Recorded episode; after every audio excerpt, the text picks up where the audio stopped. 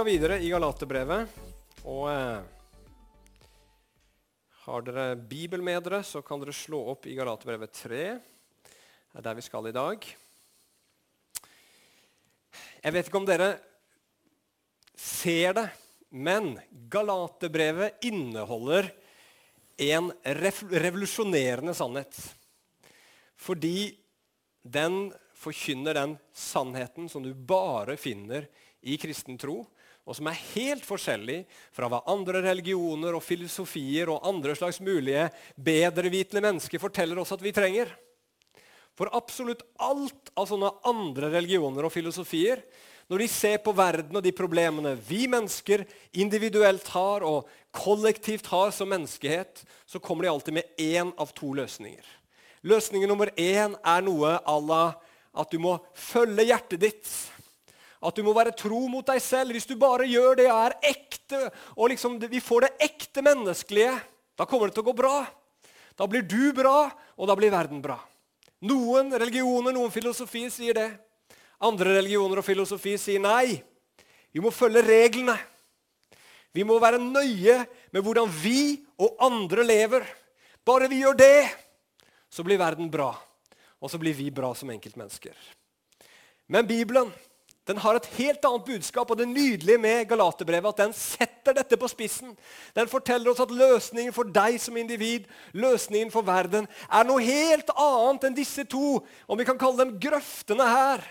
Følg reglene, eller bare følg hjertet ditt.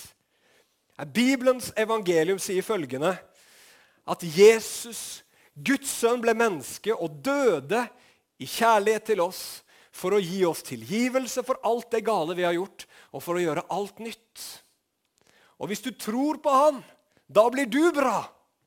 Og gjennom å tro på Han, og bare gjennom å tro på Han, så kan denne verden bli bra. Og Det er det vi skal snakke om i dag. Tittelen min i dag er 'Hvordan Gud handler i våre liv'. Og Jeg har tre punkter. Hvordan Gud kommer inn i livet ditt. Hvordan Gud fortsetter å virke i livet ditt. Og punkt nummer tre hvorfor djevelen gjerne vil gjøre deg lovisk. Så da går vi til Galaterne 3, og så leser vi fra vers 1. Der sier Paulus.: Dere uforstandige galatere, hvem har forhekset dere slik at dere ikke lenger skulle lyde sannheten? Dere som hos dere selv har fått Jesus Kristus malt for øynene som korsfestet. Bare dette vil jeg vite av dere. Var det ved lovgjerninger dere fikk ånden, eller ved å høre troen forkynt?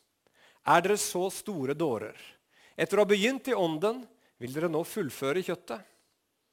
Har dere erfart så mye forgjeves, hvis det da virkelig var forgjeves? Han som gir dere ånden og virker kraftige gjerninger blant dere, gjør han det ved lovgjerninger eller ved at dere hører troen? Himmelske Far, nå trenger vi igjen en disippels øre og en disippels hjerte for å kunne høre og ta imot dine ord.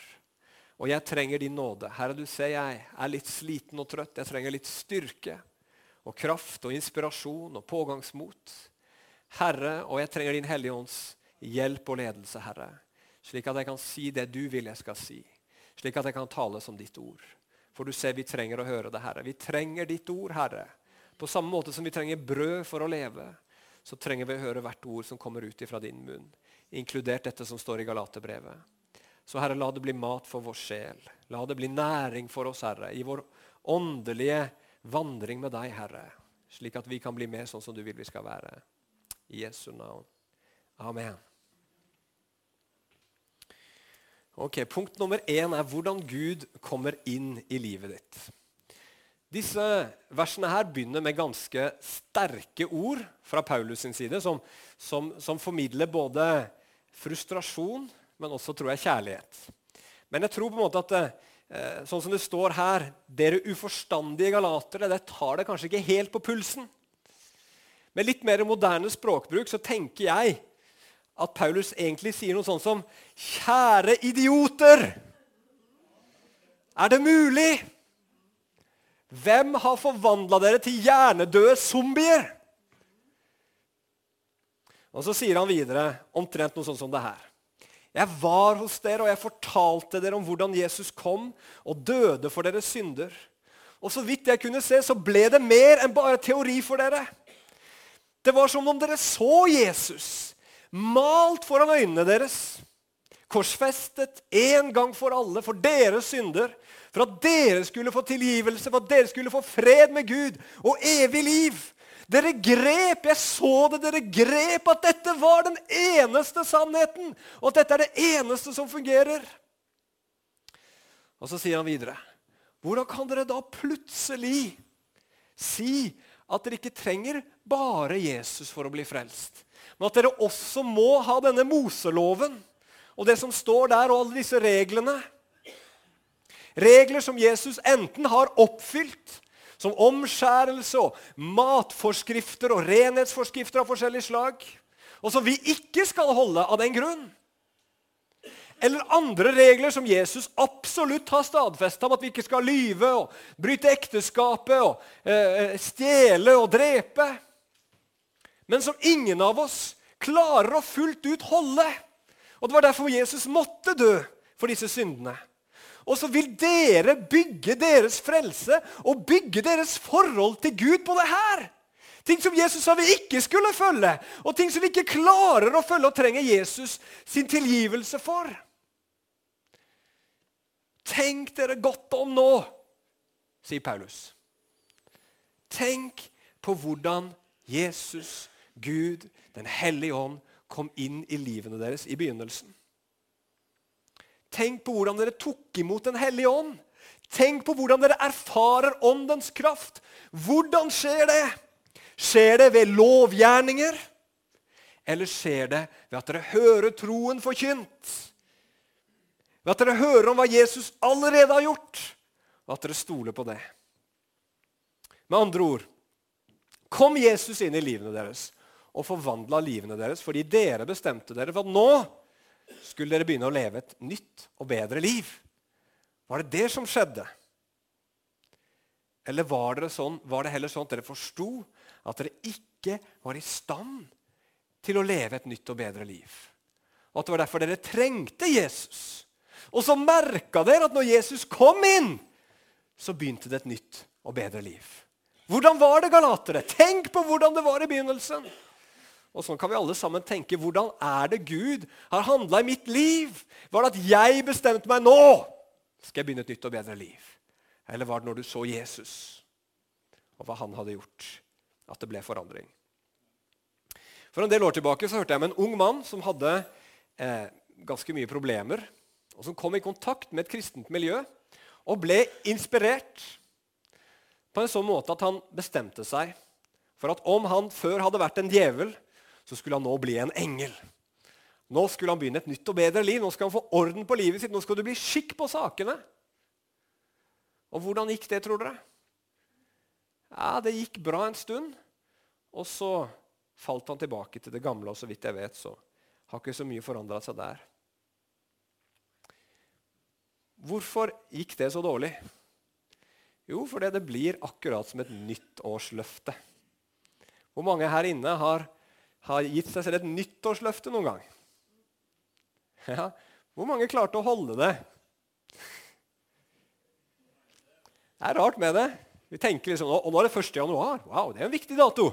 Nå må jeg skjerpe meg. Nå må jeg begynne å trene mer og lese mer og være mer fokusert på skolen og være mer flink til å komme på tiden og spise sunnere og, og liksom få i meg det jeg trenger osv. Og, og så vet vi det at treningssentre og sånn, de er fulle i januar, kanskje i februar. Og så dabber det av opp mot sommeren, og så begynner det på nytt igjen når januar kommer året etterpå. Vet dere hva? Bare det å skulle forvandle disse overfladiske uvanene våre, det er vanskelig. Hvor mye mer er det ikke da vanskelig å skulle forandre dypet av hjertene våre? Der er vi i hvert fall maktesløse. Og Bibelen forteller at hvis du skal bli en kristen, hvis du vil bli ny på innsiden, så er den eneste måten det kan skje på, det er at du får høre evangeliet om Jesus, at du forstår det, og at du setter din lit til det. Gud må male det for øynene dine så du ser på en eller annen måte. Du må se at han elsker deg. Du må se at det er en virkelig, reell, levende, personlig kjærlighet som gjorde at Jesus ble menneske og kom inn i denne verden for å betale for at du skulle få fred med, Gud og betale for alt det gale du har gjort. Alt sammen! Jesus betalte for hver eneste synd. Det trenger du å se. Hver eneste én! Og så trenger du å se at han uttrykte kjærligheten sin på den måten der. Ikke fordi Gud tenkte hm, hvordan skal jeg gjøre det? Ja, ja, han kan jo dø. Det, det virker jo som det er mye kjærlighet i det. Nei, fordi at det var den eneste måten. At syndere som deg og meg kunne bli forent og forsona med Gud. Fordi at du har synda mot en god Guds lover og bud. Og da venter det bare rettferdig dom. Og du og jeg har vendt denne gode Gud ryggen, og da venter det oss bare en evighet uten Han. Men Gud ville ikke at det skulle skje. Tenk på det! Gud ville ikke leve en evighet uten deg.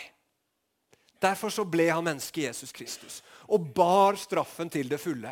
For at du skulle bli, få fred med Gud, bli tilgitt og få et helt nytt liv. Et forandra hjerte.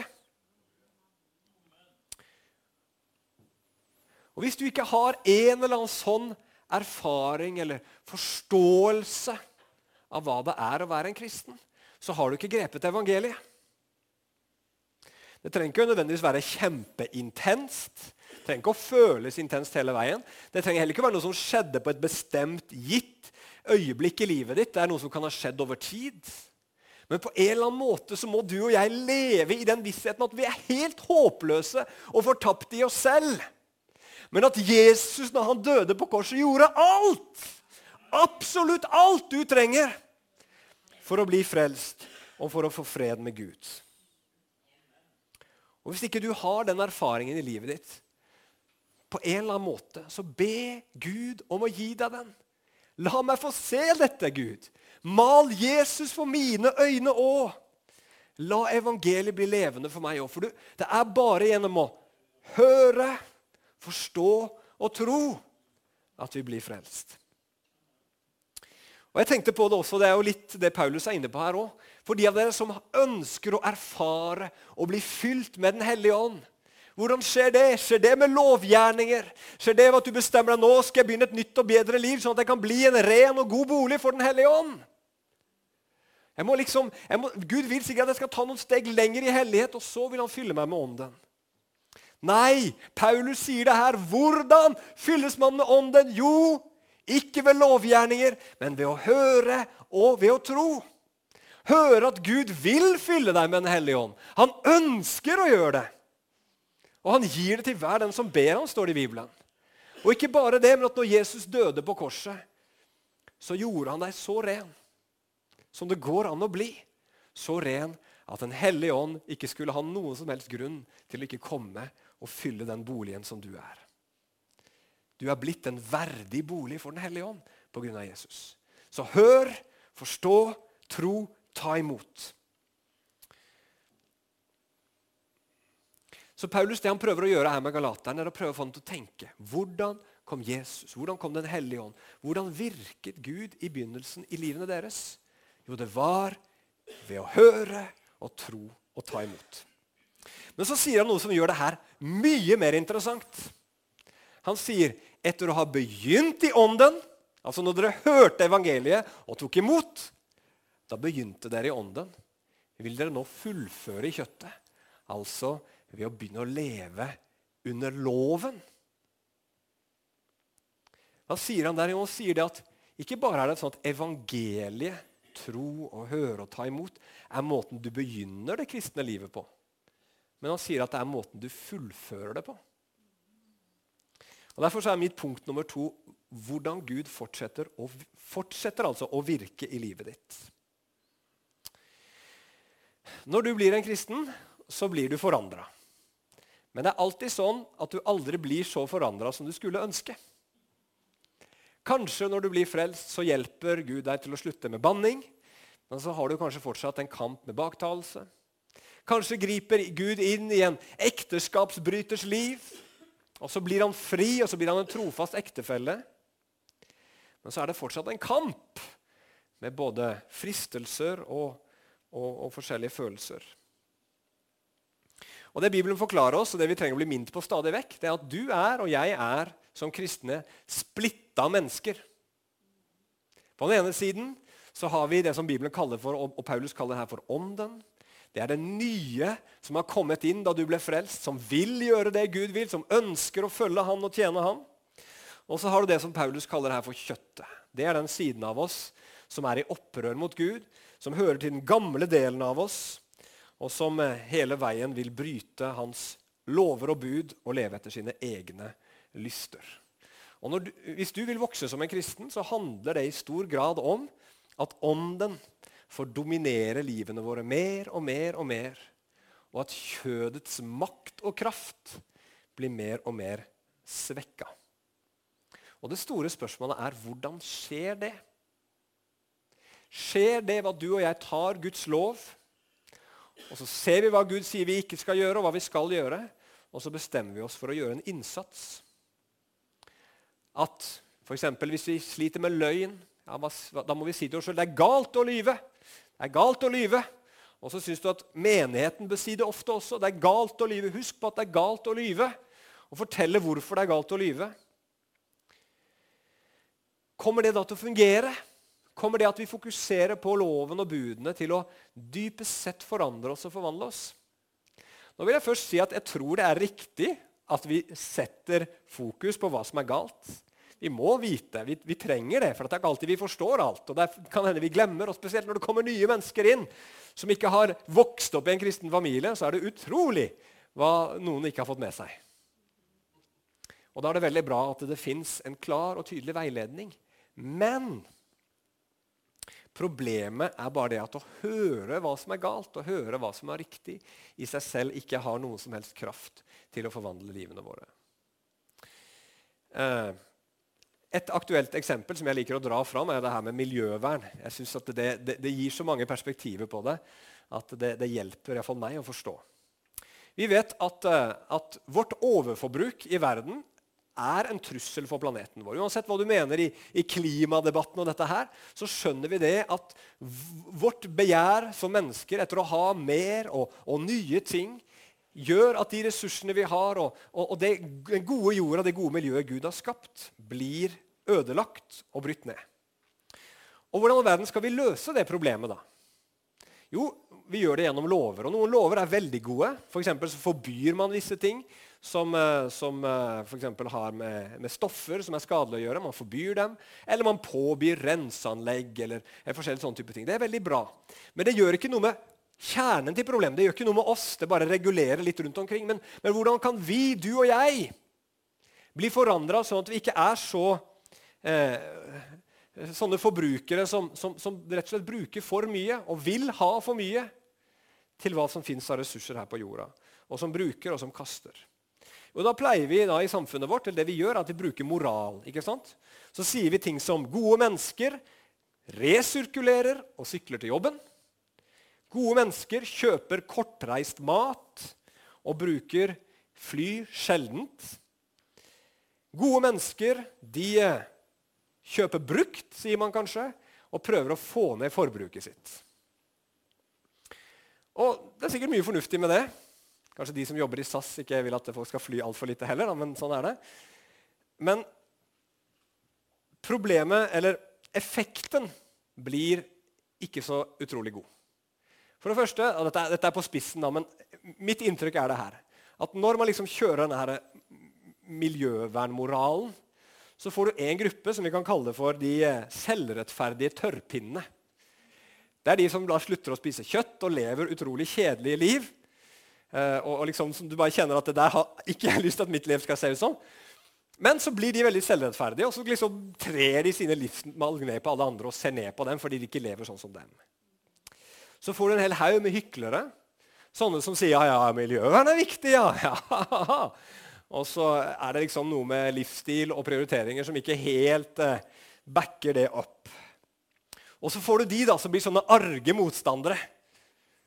Som kjøper seg amerikansk bil, og naboen kjøper seg en sånn Renault Zoe eller et eller annet. Og som bestiller en ekstra uke på cruise. For det ingen skal komme og fortelle meg hva jeg skal gjøre med livet mitt. Og generelt i dette med, med denne miljøvernsmoralen så blir det masse frykt. Masse frykt for framtiden og mye dårlig samvittighet. Men vi blir ikke nevneverdig forandra. Vi er de samme, og til og med vil jeg påstå, vi blir verre av det som mennesker. Vi blir selvrettferdige, som jeg var inne på. Vi blir hyklere. Vi blir opprørere. Vi blir mer kjødelige av moral og lover. Det har ingen kraft til å forandre oss. Det provoserer heller fram negative ting. Så hva er det da som kan forandre oss? Hva er det som kan gjøre et menneske som meg til et menneske som lever mer etter ånden og mindre etter kjøttet? Jo, Paulus han sier i Kolossebrevet 2,6.: Slik dere altså har tatt imot Kristus, altså på samme måte som dere tok imot Jesus, så vandre i Han.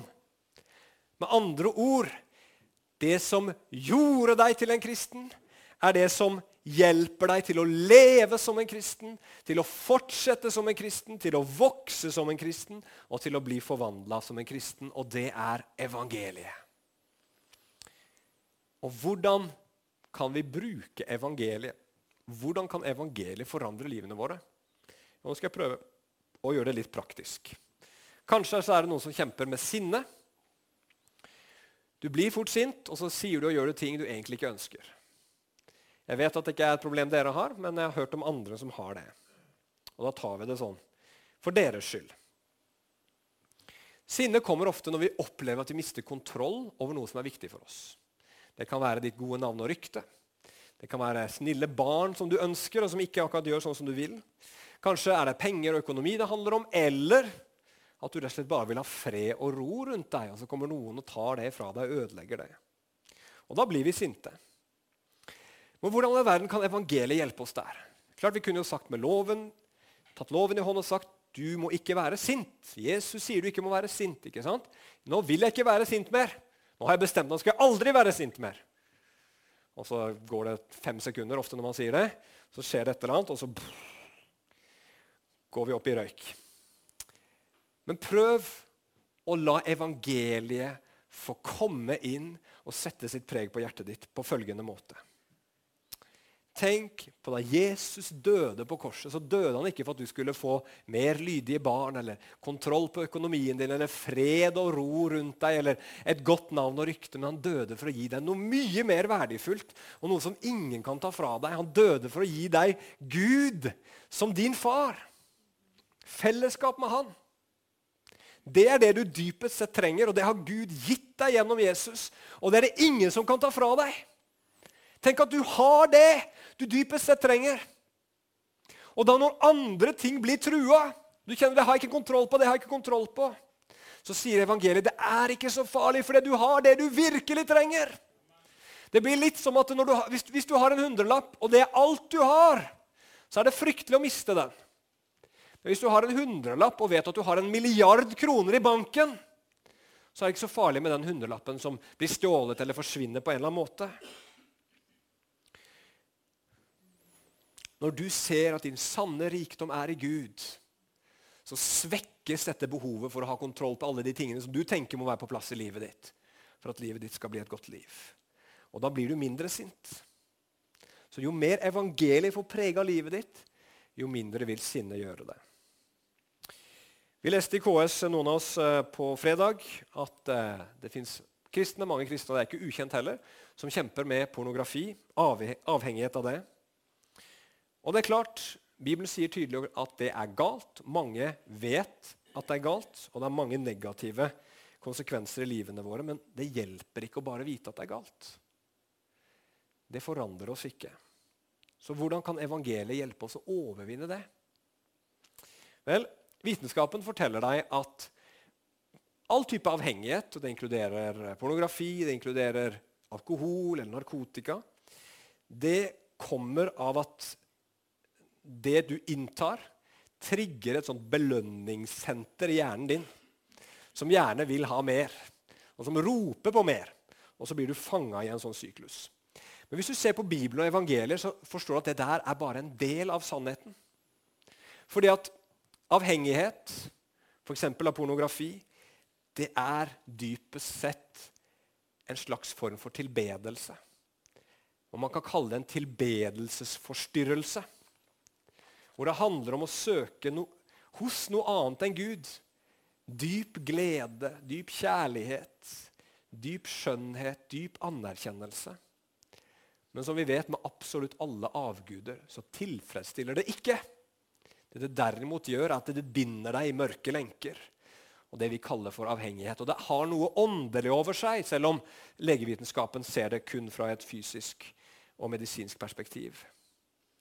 Og Derfor så er det også en åndelig løsning på det. Hva kan hjelpe oss? Jo, vet du hvordan du overvinner falsk tilbedelse? Jo, ved ekte tilbedelse. Og hvor er det du og jeg, eller hvordan er det du og jeg kan tilbe Gud, komme inn i dyp tilbedelse av Gud? Jo, min påstand er at det er mest av alt gjennom evangeliet. Dette, denne lengselen etter kjærlighet, hvor åpenbares den? Jo, den åpenbares på korset, hvor Jesus gir sitt liv for deg.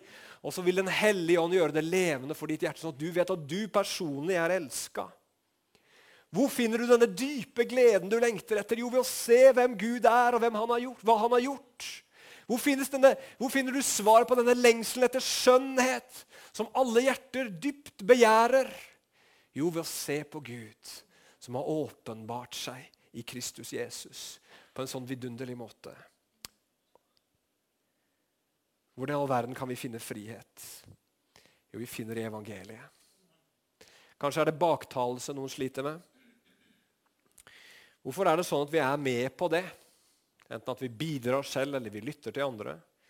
Vel, jeg har inntrykk av at eh, nå har jeg litt erfaring med det, i hvert fall, at, eh, at baktalelse veldig ofte handler om at man eh, føler seg bra når man får rakka litt ned på andre. For da liksom er det Er jeg ok? Fordi jeg er ikke ok. Og så skaper det en sånn falsk fellesskapsfølelse hvor du føler at du er inkludert. Og du er liksom i et litt sånn eksklusivt fellesskap. Det er vi mot dem. ikke sant? Og selv om du vet, og mange mennesker vet at baksnakking er galt, men det er noe som man stadig går tilbake til, for det er denne anerkjennelsen som ligger i det, som man opplever at man, det som man vet at man trenger. Og det hjelper ikke å høre at det er galt. Vi trenger evangeliet. Og evangeliet viser oss at vi trenger ikke denne verdien som det å avsløre andres feil gir. Når Gud ved å la sin sønn dø på korset gir oss en enorm verdi og velger å skjule alle våre feil og mangler. Han tar det bort. Han sletter det ut. Hvorfor skal vi da begynne å løfte fram andres? Og du og jeg trenger ikke det der falske fellesskapet som gir oss en følelse av å liksom være inni noe, være i et eksklusivt fellesskap. Når du og jeg får lov til å ha fellesskap med Gud og fellesskap med Guds folk. Det fins ikke noe mer eksklusivt enn det å få ha fellesskap med en levende Gud. Og han har inkludert oss fullstendig. Det er der vi finner vår identitet. Det er der dette behovet må dekkes. Så er det så fantastisk med evangeliet, tenker jeg, i den prosessen som det er å skulle bli forandra og forvandla at det er bare evangeliet som kan hjelpe oss når vi svikter. For underveis i denne prosessen her så kommer du og jeg til å trå feil.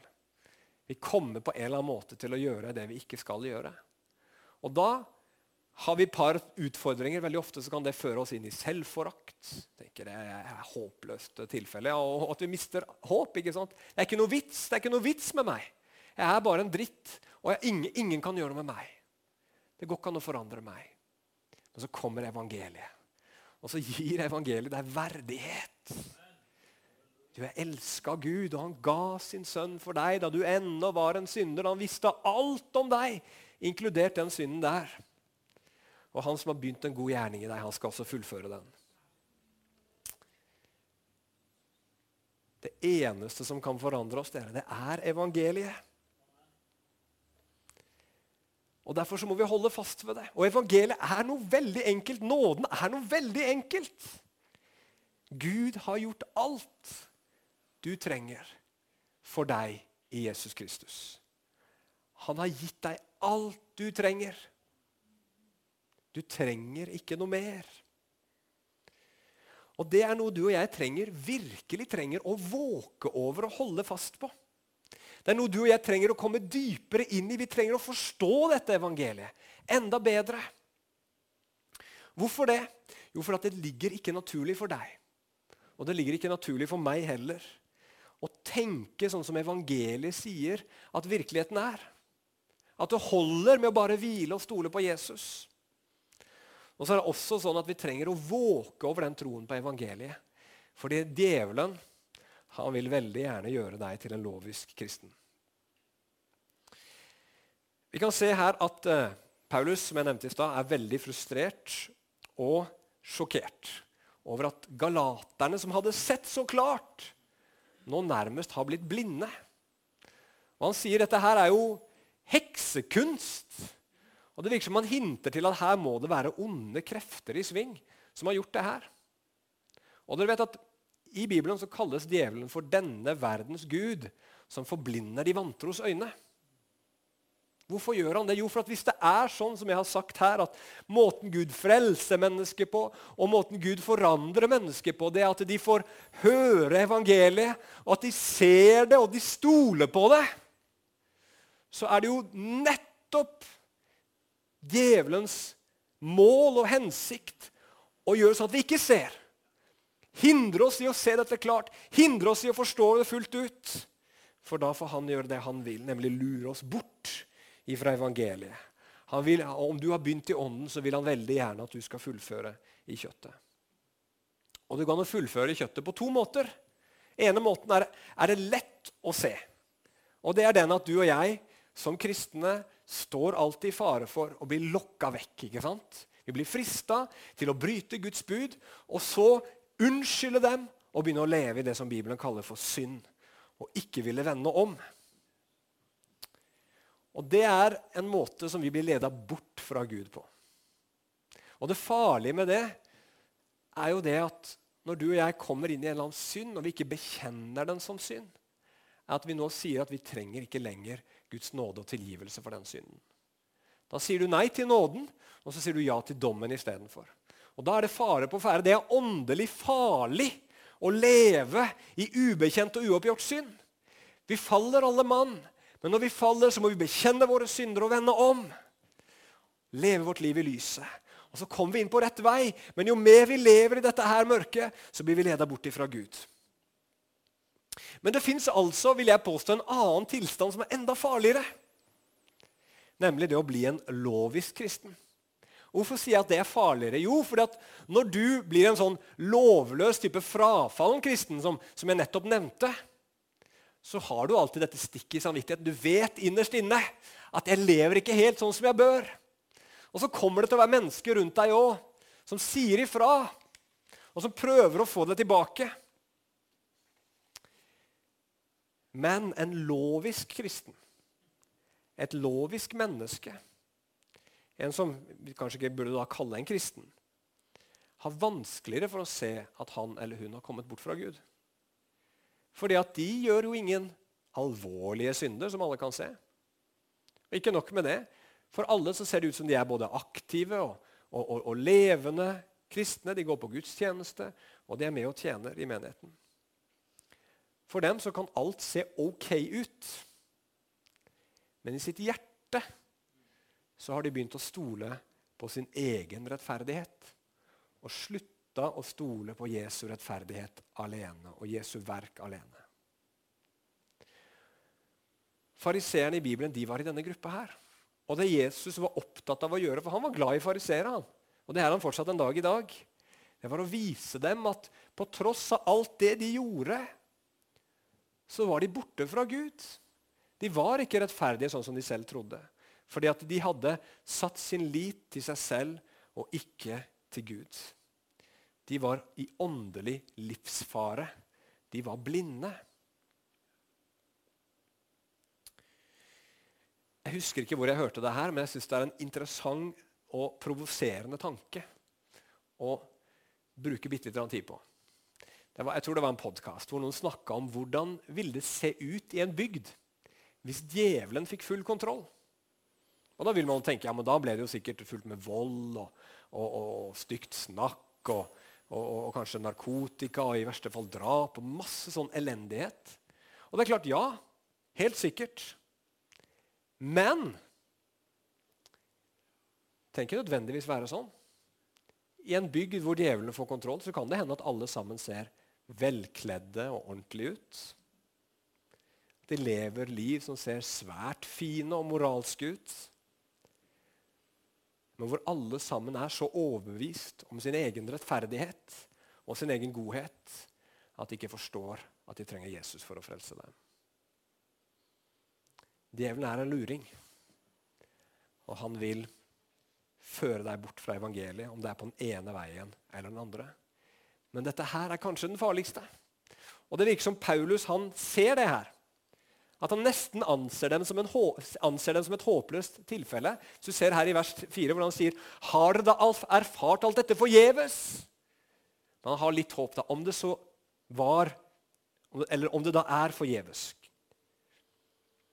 Lovisk kristendom, eller lovisk da, kristendom, det er farlig, men det er ikke umulig for Gud. Men det som er viktig, er at du ikke tar det for gitt at det er lett å hvile i Jesus alene.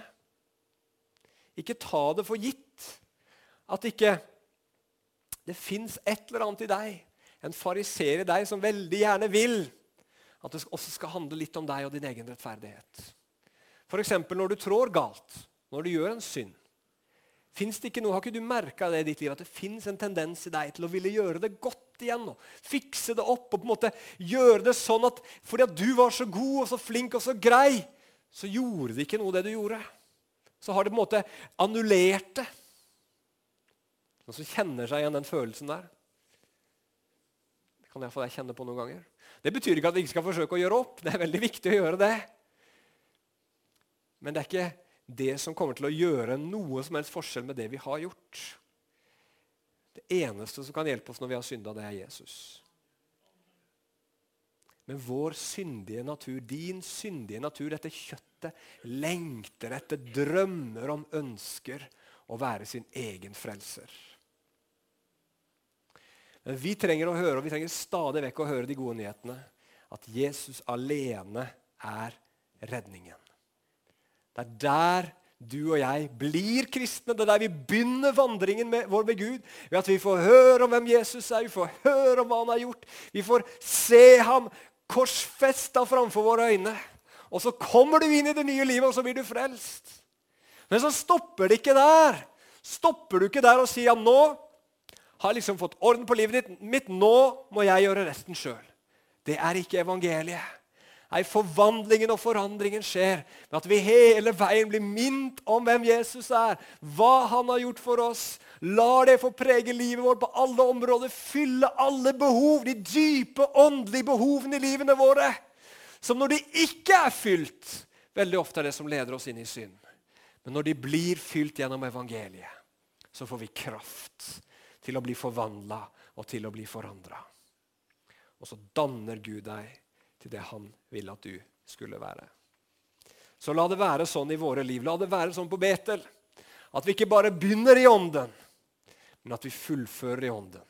At vi ikke bare begynner med evangeliet, men at vi fullfører med evangeliet. Og Jeg håper at det skal bli sånn i løpet av denne høsten her, når vi går gjennom Galaterbrevet. At evangeliet får bore seg enda dypere ned i hjertene våre. Slik at det verk Gud vil gjøre, det får han gjøre. I Jesu navn. Amen. La oss be.